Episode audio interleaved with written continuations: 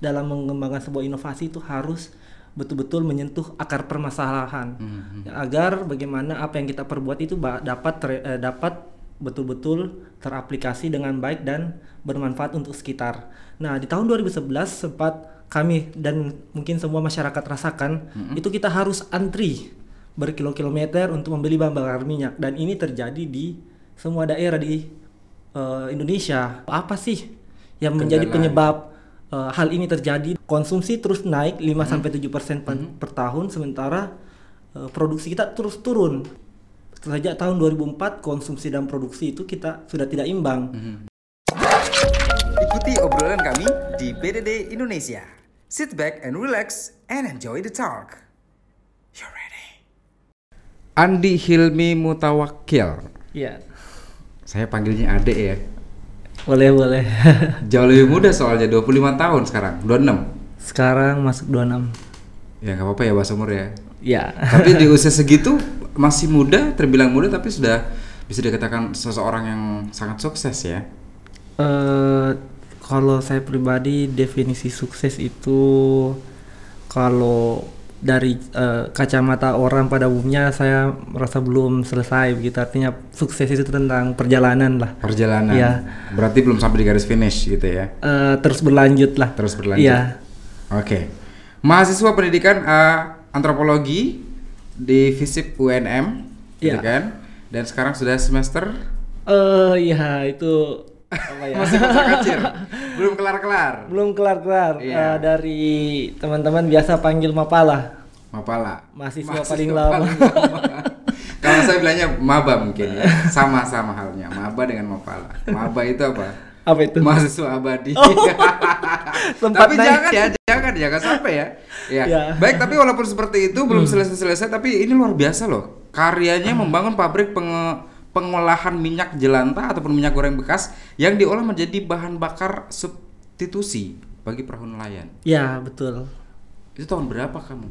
Jadi kita merintis itu sebenarnya dari tahun 2011 waktu masih duduk di bangku SMA. Kita berarti bukan kamu Kita sendiri ya saja. ya saya melibatkan teman-teman. Jadi kami be- apa berkolaborasi, saling mengisi eh, dalam men- apa menyus apa dalam men- menuju tuh visi misi kita. Jadi awalnya eh, dari peneliti, peneliti muda, saya waktu itu masih sebagai ketua peneliti di SMA eh, di Pangkep waktu itu. Karena kelahiran Pangkap ya. Iya. Oke oke. Lalu eh, dulu setiap sepulang sekolah itu tidak langsung pulang, jadi ada aktivitas di sekolah, lanjutkan penelitian-penelitian yang eh, kita kerjakan. Mhm. Ah, itu beragam lah ragam eh, tekno- eh, apa teknologi tepat guna khususnya jadi teknologi-teknologi yang bisa membantu eh, apa seperti di bidang pertanian kah di bidang yang lain-lain dan salah satu concern kita waktu itu adalah energi Energi. iya Itu Eh, waktu pada saat kamu SMA itu berarti kamu jurusan apa waktu itu? nah itu juga lucu Bahasa? jadi saya dulu eh, waktu SMA di bahasa tapi Di bahasa. iya tapi saya kepala lab pimpin anak-anak IPA Ini agak lucu ya. iya Terus eh, teman-temannya be- yang bekerja sama pada saat itu, yang yang sama-sama beride untuk membuat seperti itu, itu siapa saja? Eh, ada Ahmad Sawawi, Mhm. sahabat saya yang juga saat ini eh, menjabat sebagai salah satu direksi di usaha ka- usaha eh, kami saat Mhm, ini yaitu di Gen Oil. Dia berperan sebagai eh, Chief Technology Officer atau Mhm. CTO yang menangani masalah pengembangan teknologi dan menangani masalah operasional eh, produksi. Oke. Eh, lalu selebihnya ada ada eh, di Genway saya ada berenam, tapi yang betul-betul dari awal sama-sama sampai hari ini itu eh, yang Ahmad Sawawi Ahmad Sawawi. Iya. Yang dari pada saat masa SMA dari masa SMA. merintis itu sampai Merintis. sekarang pun masih sa- bersama. Ya, Gitu kan? cuma pada saat kuliah eh, saya melibatkan teman-teman yang sevisi untuk sama-sama mencoba merealisasikan apa yang sudah jadi eh, tujuan hidup kita menggam- eh, me- me- me- apa men- saat kuliah menyatukan itu. gitu Iya. gitu kan. Tapi itu pada saat apa namanya pada saat beride seperti itu itu gagasan dari siapa sih? Kepalanya siapa yang mengeluarkan ide seperti cemerlang itu pada saat itu?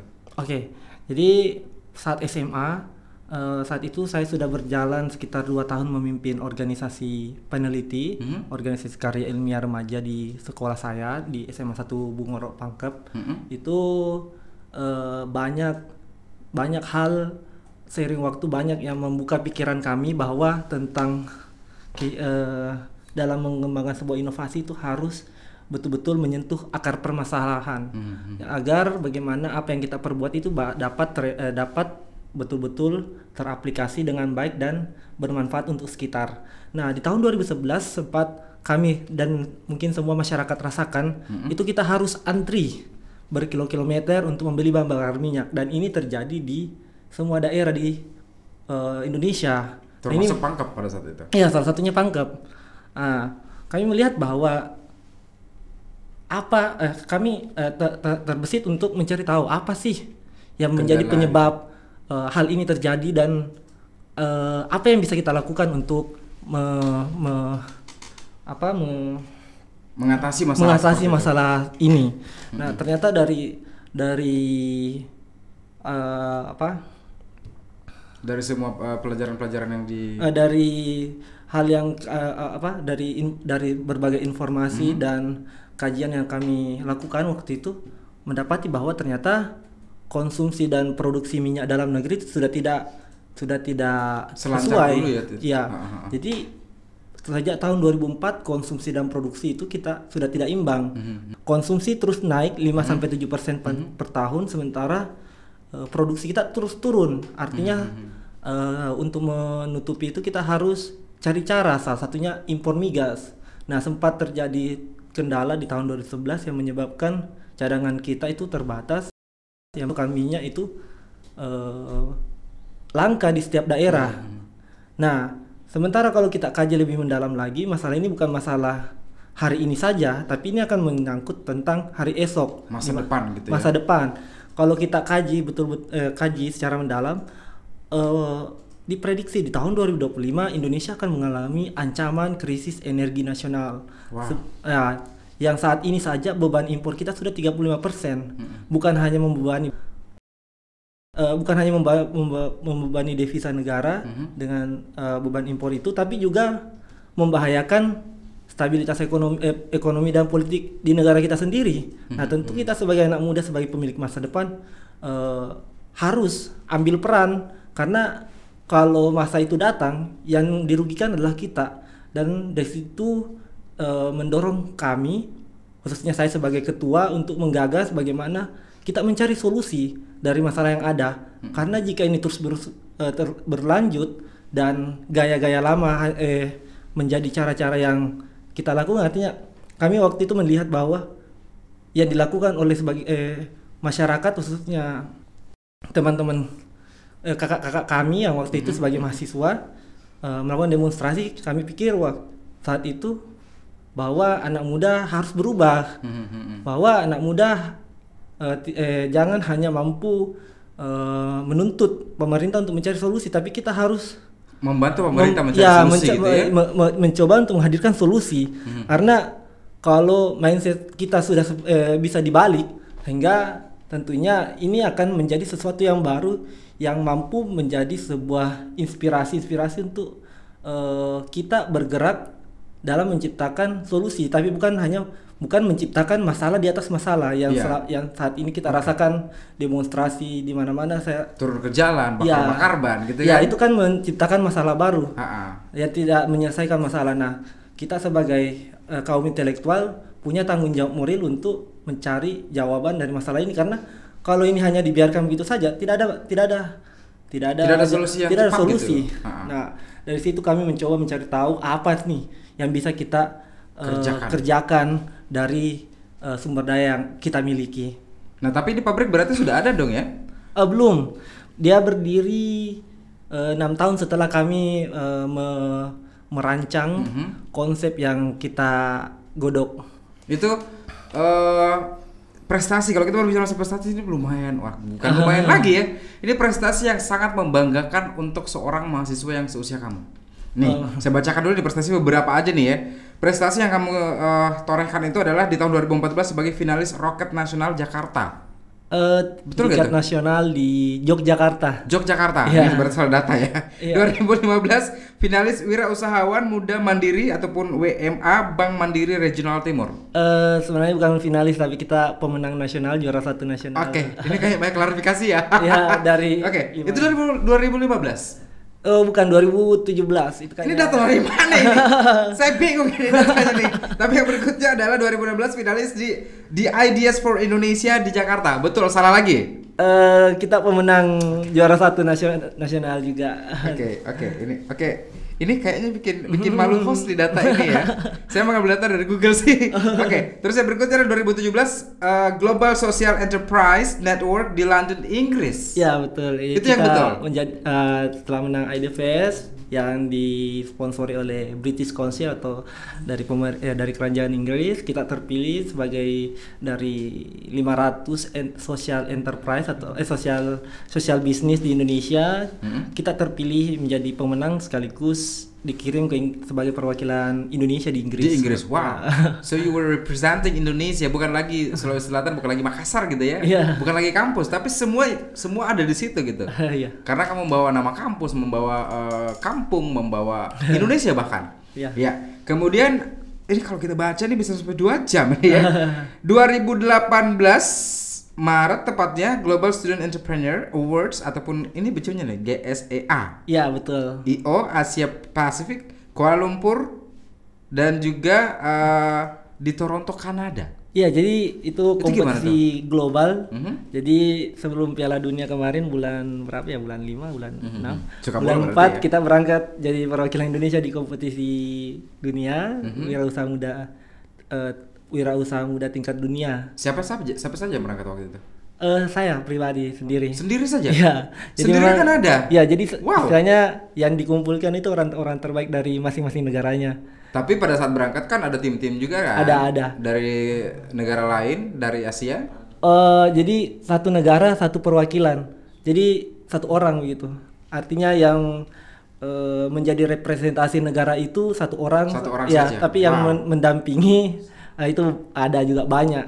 Banyak Jadi dari pengusaha-pengusaha yang tergabung dari organisasi pengusaha IO Enterprise Organization yang yang terintegrasi se- di di seluruh negara di 54 negara itu eh, hadir di sana. Eh, kita Indonesia diwakili oleh Gen Oil. Itu pertama kali kamu eh, ikut ajang internasional seperti itu, itu di mana dan kapan? Tahun kapan tuh? Ya, Inggris dulu atau London dulu? Inggris dulu ya, sorry. Inggris dulu atau Kanada dulu? Inggris dulu ya? Inggris dulu Itu 2016. 2016. Iya. 2009 2016 kamu di di Inggris. Ya. Itu pertama kali kamu berdiri di depan orang tanda kutip bule ya. Maksudnya kelihatannya bukan Asia lagi nih, ya. Iya. Not Asian look at all. itu gimana perasaan kamu pada saat itu? eh perasaannya apa ya? Bangga tentunya yang Mhm, pertama mhm. dan mencoba menjadi yang- men- mencoba menjadi wakil Indonesia yang menggambarkan bahwa Indonesia itu eh, apa ya? Ramah. ramah dan berkualitas lah orangnya tidak seperti yang eh, orang kenal di luar bahwa kita Iya. ini tertinggal Oke. tidak saya kita buktikan di sana bahwa kita kontingen terbaik dari negara-negara yang diundang Termasuk kita termuda dan eh, usulan-usulan kita untuk pengembangan eh, kebijakan-kebijakan sosial eh, bisnis di negara-negara mitra kerajaan Inggris begitu kita terbaik dalam mengusulkan dan meng- menggodok konsep untuk mereka gunakan untuk diterapkan di 54 eh berapa ya sekit- eh, di seluruh mitra eh, negara kerajaan Inggris begitu Itu pada saat 2016 kamu berarti umurnya 22, Berapa ya? 23. Kurang lebih segitu 20 ini- 21 22 ya? Iya sekitar 22 ya. Let's say 21. Kamu umur 21 terbang ke Inggris sendiri dari Indonesia. Walaupun banyak teman dari kontingen yang lain gitu kan. Tapi pada saat di Inggris kamu mendapatkan wow, prestasi luar biasa seperti itu. Ada rasa sombong gak sih pulang dari sana? Eh, tidak ada malah kita merasa bahwa kita harus mengejar ketertinggalan. Eh, Membuktikan ke teman-teman gitu ya pas balik ya bahwa we have to prove orang-orang di luar itu bahwa kita orang yang ramah, kita Iya. orang yang berkualitas. ya lalu di situ kita belajar untuk mengisi satu sama lain, saling apa? membuk- eh, saling memberi eh, apa membuka pikiran bahwa eh, kita bisa berkolaborasi dengan dunia dari kulturnya dari teknologinya yang mana kita bawa pulang ke Indonesia lalu kita terapkan hari ini alhamdulillah juga banyak manfaatnya untuk masyarakat Di Inggris berapa lama di sana?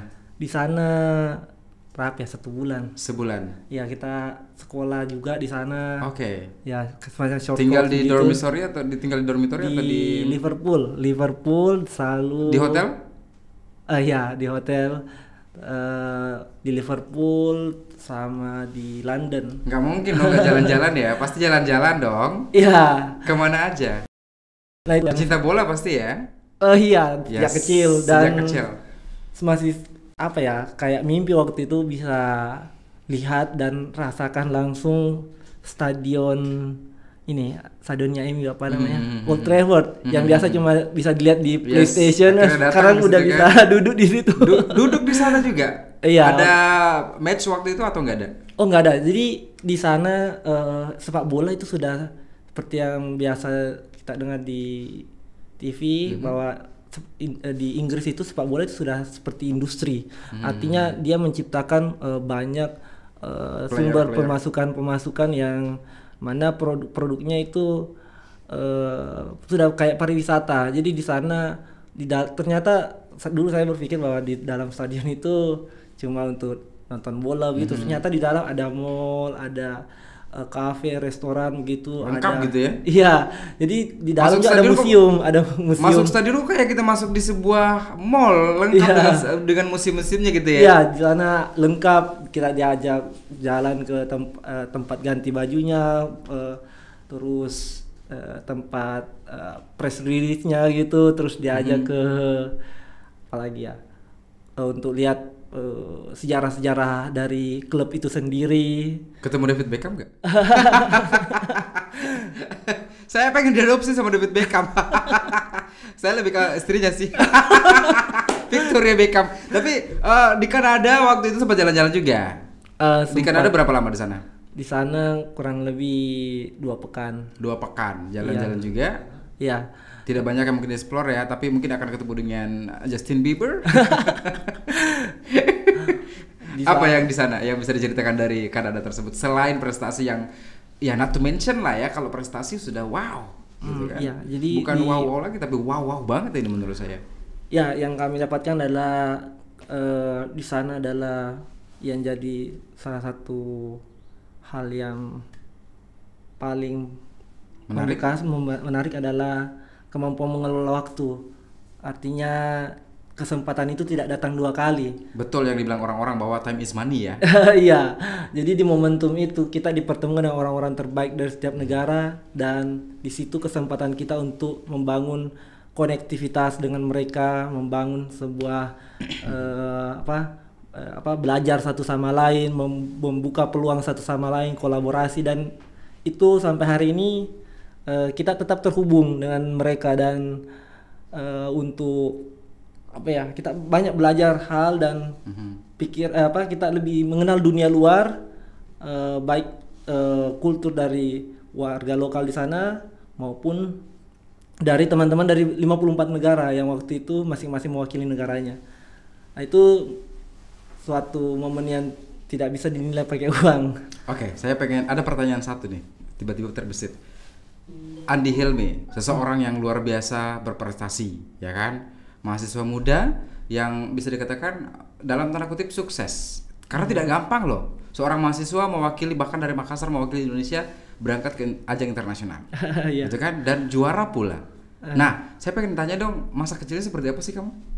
Oke, jadi waktu kecil saya eh, saya dikenal oleh orang dari keluarga yang bisa dibilang berkecukup- berkecukupan. Namun banyak yang tidak mengetahui bahwa saya dididik di keluarga itu tidak untuk bisa jadi mandiri. Jadi hal-hal yang terkadang kayak bu- kayak beli mainan itu saya harus usaha sendiri dari upaya saya sendiri Itu waktu SD. waktu SD jadi biasa jual mulai dari dari TK malah jadi dari TK Dari TK sudah jual-jualan. iya memang keluarga memang eh, rata-rata eh, ke- eh, eh, keluarga itu dari memang eh, apa ya rata-rata entrepreneur, eh, pengusaha Oke, begitu. Oke, oke, oke. Tapi Jiwa entrepreneurship-nya itu sudah muncul dari orang tua kah atau Eh. bisa dari TK sudah jual-jualan? Kamu jual apa waktu TK? waktu TK saya jualan ini wayang. Iya, yang wayang itu ya terus digunting-gunting gitu ya, ya. betul. Oke. Jadi jualan wayang terus berkembang. Ini wayang Jawa, cewek. wayang kita beda ya. Kalau wayang Jawa ini agak beda. Eh, anu itu wayang yang kertas-kertas itu kertas-kertas ya. itu, iya. Yes, yes, yang ada nomor-nomornya biasa Eh. 1 sampai 30. Ingat banget saya. Oke, itu diapain? Dijual ke dijual teman-temannya. ke se- ke sepupu, ke Terus uangnya ditabung. ditabung terus eh, apa ya tanpa saya sadari eh, waktu itu berkembang Mhm. akhirnya berkembang dari usaha belajar kele- usaha clearing lah Mhm, terus lambat laun berkembang jadi usaha ay eh, usaha peternakan ayam Mhm. macam-macam usaha PlayStation tapi rata-rata sih eh, masih istilahnya eh, hanya doing bisnis aja nggak mengerti sebenarnya mau ke arah mana ini Yes, yes. Ah. Mengerjakan dengan sekedar fun saja gitu. fun lalu ya.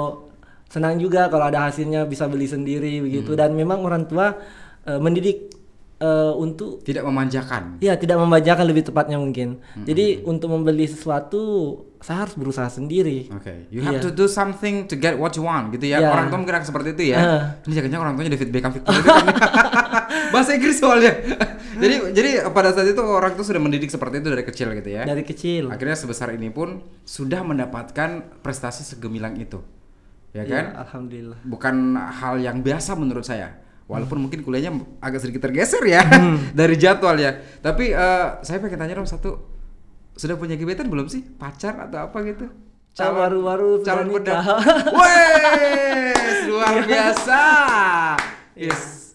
Kapan nikahnya? ini bulan tanggal tu, tanggal 6 bulan, Bulan Agustus Agustus ini. iya Baru-baru. Coba kenal dari bulan Juli kita ya. Dipanggil MC saya langsung. ini istri di mana?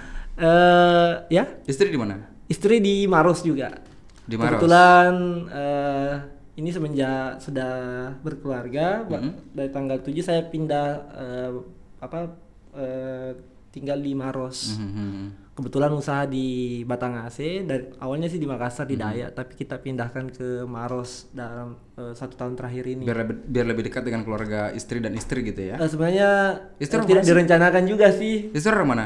Istri eh, orang ini orang Maros tapi lahir dan besar di Kalimantan Oh, lahir dan besar di Kalimantan, tapi Iya. eh, darahnya udah Maros gitu ya. ya begitu Oke, berarti eh, ini pengantin baru. Nah, iya Enak dong ya? Sudah. ya sudah Eh, sudah ada ini, yang rawat sudah, sudah ada yang rawat maksudnya. iya biasa pulang sampai eh, kerja tidak kenal waktu sekarang Diingetin gitu ya. sudah pokok eh, di bawah jam 10 sudah Oh. tidak ada yang cari soal ada yang cari, sudah ada yang pengen tidur gitu ya. Eh, tapi eh, apa namanya? Ini istri pasti bangga banget dong. Ya dengan dengan mendapatkan seorang lelaki muda dan juga tampan, cerdas, berprestasi. Gitu kan? Istri pun juga akan seperti itu. Sangat sangat sangat eh, apa namanya? Kamu pun akan merasa sangat bersyukur juga punya istri yang saya belum tahu nih. Ya kan? Hmm. Seperti apa masakannya, seperti apa ya kebetulan aja hobi hobi bikin kue Oh gitu gitu gitu. Jadi baru sekitar 17 hari naik lima setengah kilo. itu karena dimas- dimasakin terus. iya, terus disuruh habiskan. plus plus dengan cinta bumbunya Iya. cinta jangan-jangan ini ya kita main game dulu deh kita main game sambil kita nanti akan eh, eh, ada penyampaian juga dari kamu kepada ini penyampaian jadi kesan-kesannya kayak formal banget ya pesan-pesan dari kamu kepada viewers BDD kita main di games dulu gamesnya itu adalah pilih cepat kamu tinggal memilih dari dua pilihan yang saya berikan tinggal dijawab dengan cepat aja Oke. oke siap yang pertama film luar negeri atau dalam negeri Film dalam negeri. dalam negeri kenapa nggak suka di luar negeri Eh pertama saya eh Panjang nih kayaknya nih. Karena ada pertamanya, kedua, ketiga, dan keempat ya, panjang. ya, panjang. Tapi intinya eh saya apa mau apa lebih mengenal eh, Indonesia karena dari keragaman itu terkadang ada inspirasi-inspirasi yang bisa kita ciptakan untuk apa ya untuk membuat sebuah inovasi-inovasi Yang luar biasa gitu. Ya seperti itu. Yang berikutnya adalah liburan domestik atau liburan luar negeri. Domestik. Jangan Oke.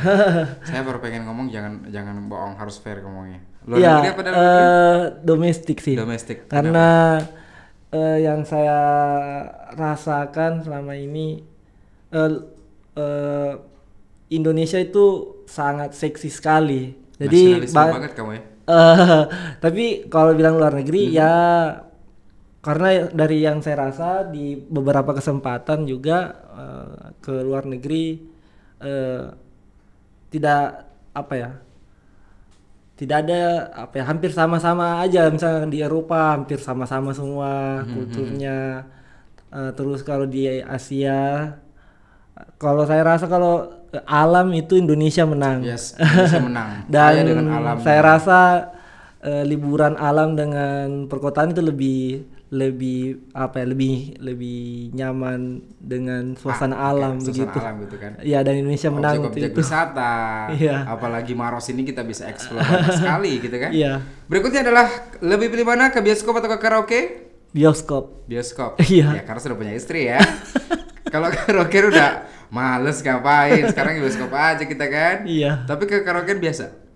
Eh kalau dipanggil teman tapi itu pun Hmm. bisa cuma bisa ditunjar mungkin satu dua kali selama ini. Oke. Selama ini eh, istri sekarang ini pernah pacaran sebelum sebelum menikah atau Eh langsung pacaran di pelaminan aja?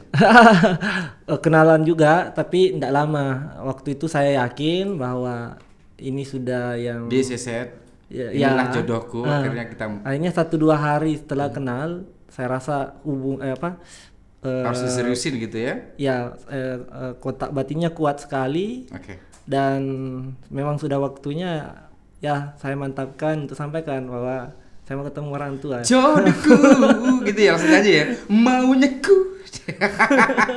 Berikutnya adalah sinetron atau drama Korea. Ayo harus milih nih. Waduh. Sinetron atau drakor? Gak boleh gak pilih. sinetron Lebih pilih sinetron. Eh, karena Ini kamu kamu apa-apa Indonesia terus ya?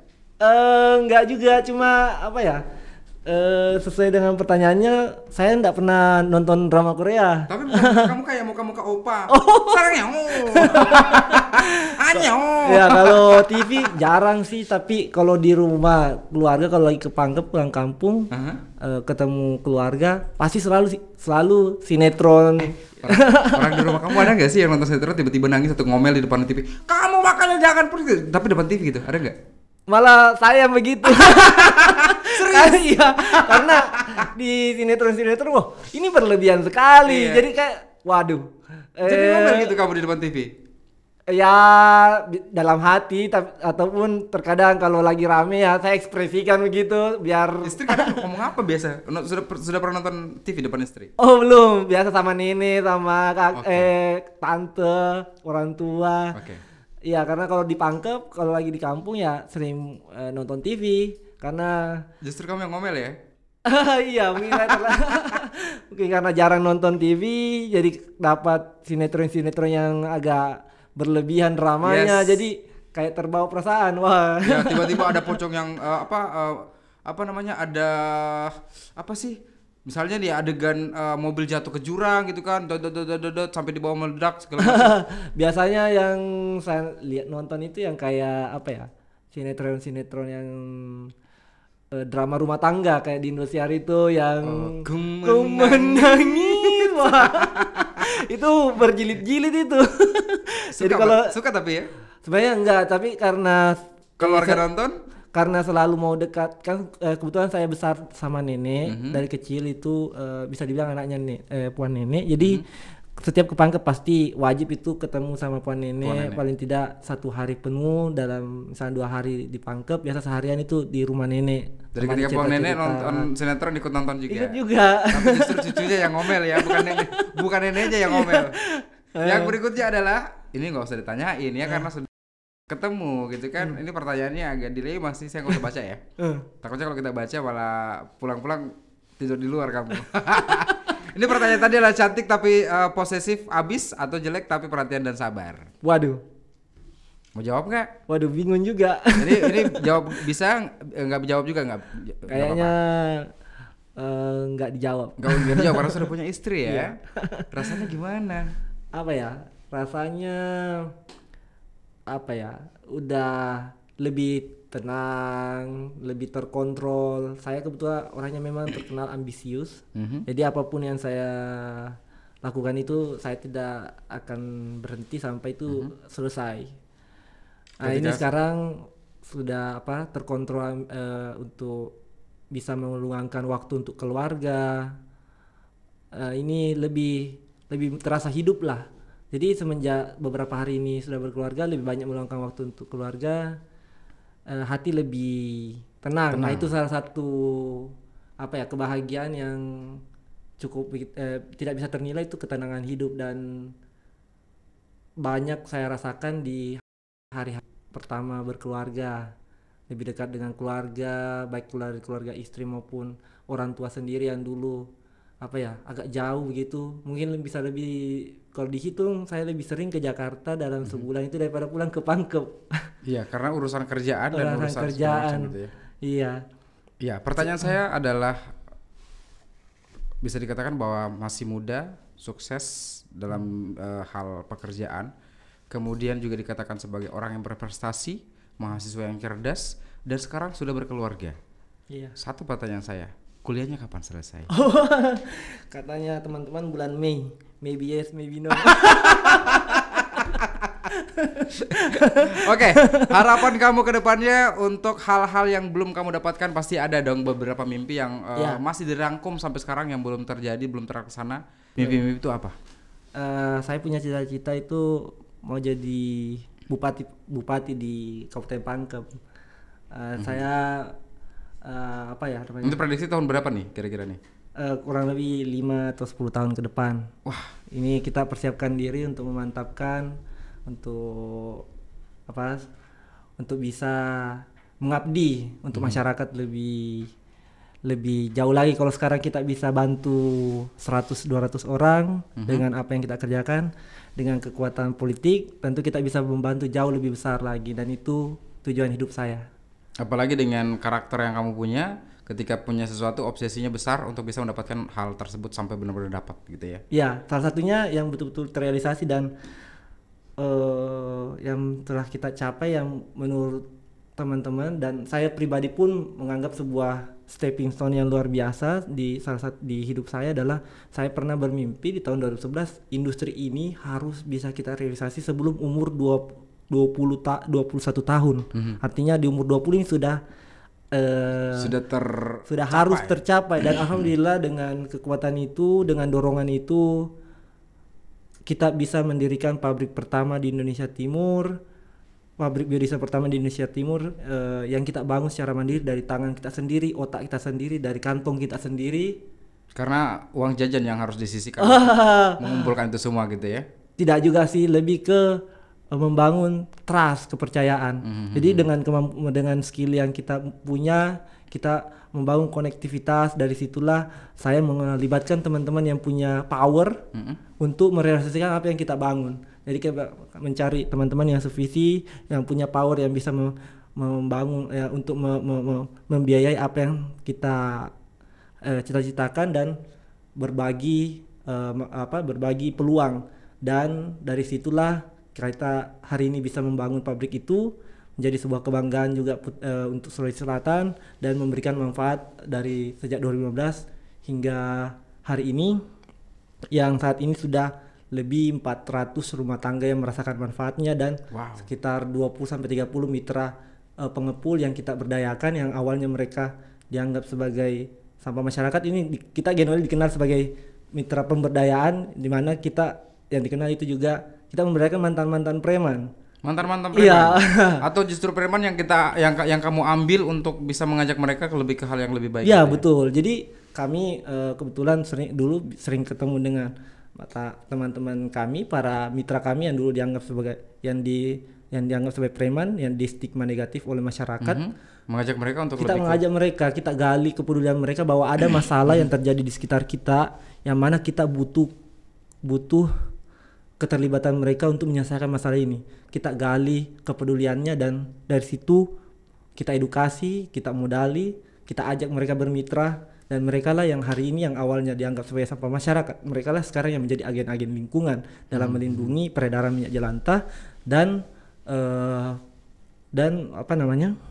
Dalam me- me- melawan eh, melawan mafia-mafia minyak jelantah yang hari ini banyak merugikan Masih- masyarakat. oke, Masih banyak berkeliaran gitu ya. Banyak, iya. Ya, berarti kamu bisa dikatakan sebagai visi- punya visi misi yang baik, gitu kan? Bukan hanya sekedar eh, apa namanya em, merealisasikan apa impian kamu, tapi juga menginsafkan para preman. gitu kan? itu adalah hal itu tagline Iya. yang paling bagus dong berarti kan? Hmm. Berarti bukan menginsafkan aja sih dalam artian memberikan ruang dan waktu kepada mereka, memberikan lapangan pekerjaan kepada mereka, ya, gitu kan? dari apa yang kita kerjakan sekarang, teman-teman juga eh, dari situ mereka punya pekerjaan yang lebih layak, penghasilan yang cukup dan berguna untuk masyarakat. 2018 kemarin pada saat kamu mendapatkan eh, prestasi tersebut menjadi juara di Kanada. Oh bukan, eh, kita menang di Indonesia Oke. eh, global social, eh global student entrepreneur, jadi kompetisi wirausaha eh, mahasiswa tingkat Indonesia. Mhm. Kita menang, lalu terpilih menjadi perwakilan Indonesia untuk di tingkat dunia, eh, Asia Pas eh, Asia Pasifik, lalu di tingkat dunia itu eh, di tingkat dunia waktu itu yang menang adalah Puerto Rico. Puerto Rico. Tapi eh, bagi saya kemenangan itu bukan suatu simbol, tapi sebuah apa ya? Sebuah kesempatan mendapatkan kesempatan ke tingkat dunia itu suatu eh, momen yang eh, apa ya? Sudah luar biasa menurut saya yang membuat eh, vi- eh, membuat Mengibarkan bendera Indonesia di sana gitu ya, ya. mengibar ya tentu kalau dari segi kebanggaan tentu bangga sekali mendapat mandat lagi Mhm. membawa bendera negara menjadi duta untuk Indonesia di tingkat dunia itu suatu apa ya Prestasi yang prestasi luar yang luar biasa, dengan eh, dengan status yang masih mahasiswa gitu. Jadi ada menurut eh, ini juga jadi salah satu pegangan hidup saya bahwa eh, di masa muda kita harus punya banyak prestasi karena eh, di situ kita mendapat pengalaman, mendapat koneksi, mendapat kesempatan dan yang terpenting adalah ini akan menjadi sebuah motivasi baik untuk kita mem- be- eh, lebih banyak berbagi, lebih banyak berbuat dan juga men- apa ya? juga untuk diri sendiri untuk ke depannya ketika nanti ini salah satu faktor juga yang membuat saya untuk terus bergerak eh, maju yaitu ke depan ketika saya punya anak begitu ataukah keponakan orang-orang terdekat ini akan menjadi salah satu eh, apa ya semacam motivasi yang bisa saya bagi bahwa di umur saya eh, anak saya bisa sampai segini masa kamu tidak bisa gitu Anak berarti akan di politik atau di pengusahaan? nanti dibagi dua jalur politik sama pengusaha berarti mau bikin dua anak nih atau lebih bahkan? 10 rencana Istri kuat gak nih? istri bilang ya yang penting siap ja- jaga ya tidak ada masalah Oke baik, ini sejak nih. oh iya Tapi terima kasih banyak sudah hadir Ya, di studio kita di sama-sama, Indonesia Kak. sudah berbagi Ya. dan eh, saya percaya sekali bahwa banyak pengalaman hidup kamu yang menjadi inspirasi buat banyak orang di luar sana termasuk saya pribadi. Hmm. Gitu kan? Jadi sekali lagi kami ucapkan banyak terima kasih. Kalau besok-besok kita undang datang lagi ya. siap Datang kenakan istri boleh? boleh Plus kue-kuenya ya. Thank you. Zikal pamit mundur. Better Indonesia sampai jumpa.